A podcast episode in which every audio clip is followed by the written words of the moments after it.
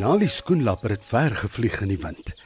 Toe sy begin moeg word, het sy op die sagte gras aan die ander kant van boer se plaas op 'n lappie lucern gaan sit. Daar was oral die mooiste geel blommetjies. Sy het haar lang opgerolde slurpie reguit gemaak en diep in die kelkies van die geel blommetjies gedruk waar sy die soetste nektar uit die blommetjies opgesuig het. Dit was vir haar baie lekker en sy kon sommer voel hoe dat sy sterk word. Nadat Lali lekker geëet het aan die soet nektar in die lucernblommetjies, het sy weer haar vlerke gesprei en weer verder in die wind gevlieg. Die windjie het haar tot in boer se roostuin gewaai. Lali kon haar oë nie glo toe sy al die pragtige rose sien nie. Elke roos het so soet en anders geruik. Sy het dadelik op die naaste groot pink roos gaan sit en weer haar slurpie diep in die roos se kelkblare gedruk. Die pink roos se nektar was soet en heerlik. "Sjoe," dink sy toe sy die soet nektar stadig opsuig. "Ek het nooit geweet daar is sulke lekker nektar in die wêreld nie. Ek is nou so bly dat ek 'n skoenlapper is. Ek het vlerke en ek kan vlieg net waar ek wil wees." Lali sit nog so op die roos en opsuig aan die nektar toe sy skielik nog 'n skoenlapper op een van die ander rose sien. Lali het nog nooit 'n ander skoenlapper gesien nie, maar toe sy die ander skoenlapper sien, weet sy sommer, dit is ook 'n skoenlapper.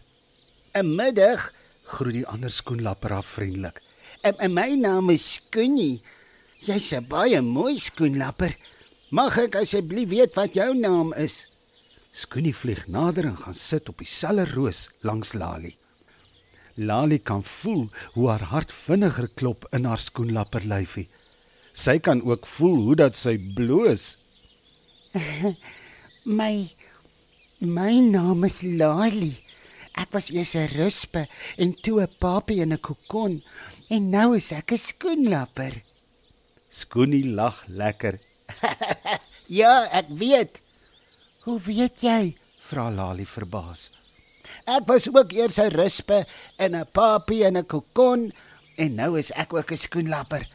Al ons skoenlappers was eers ruspes en toe papies in kokonne. Lali bloos weer. O, ek het nie geweet nie. Ek was maar 'n een eensame ruspe, maar ek het altyd 'n goeie maatjie gehad. Sy naam is Ekkie Eekhoring.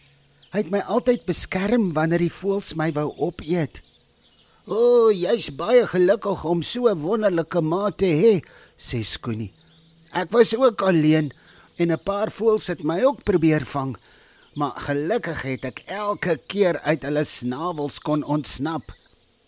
Lali en Skoonie gesels so lekker dat hulle glad nie gesien het dat die plaashuis se voordeur oopgaan nie. Boer se dogtertjie Katinka was reguit op pad na die roostuin toe.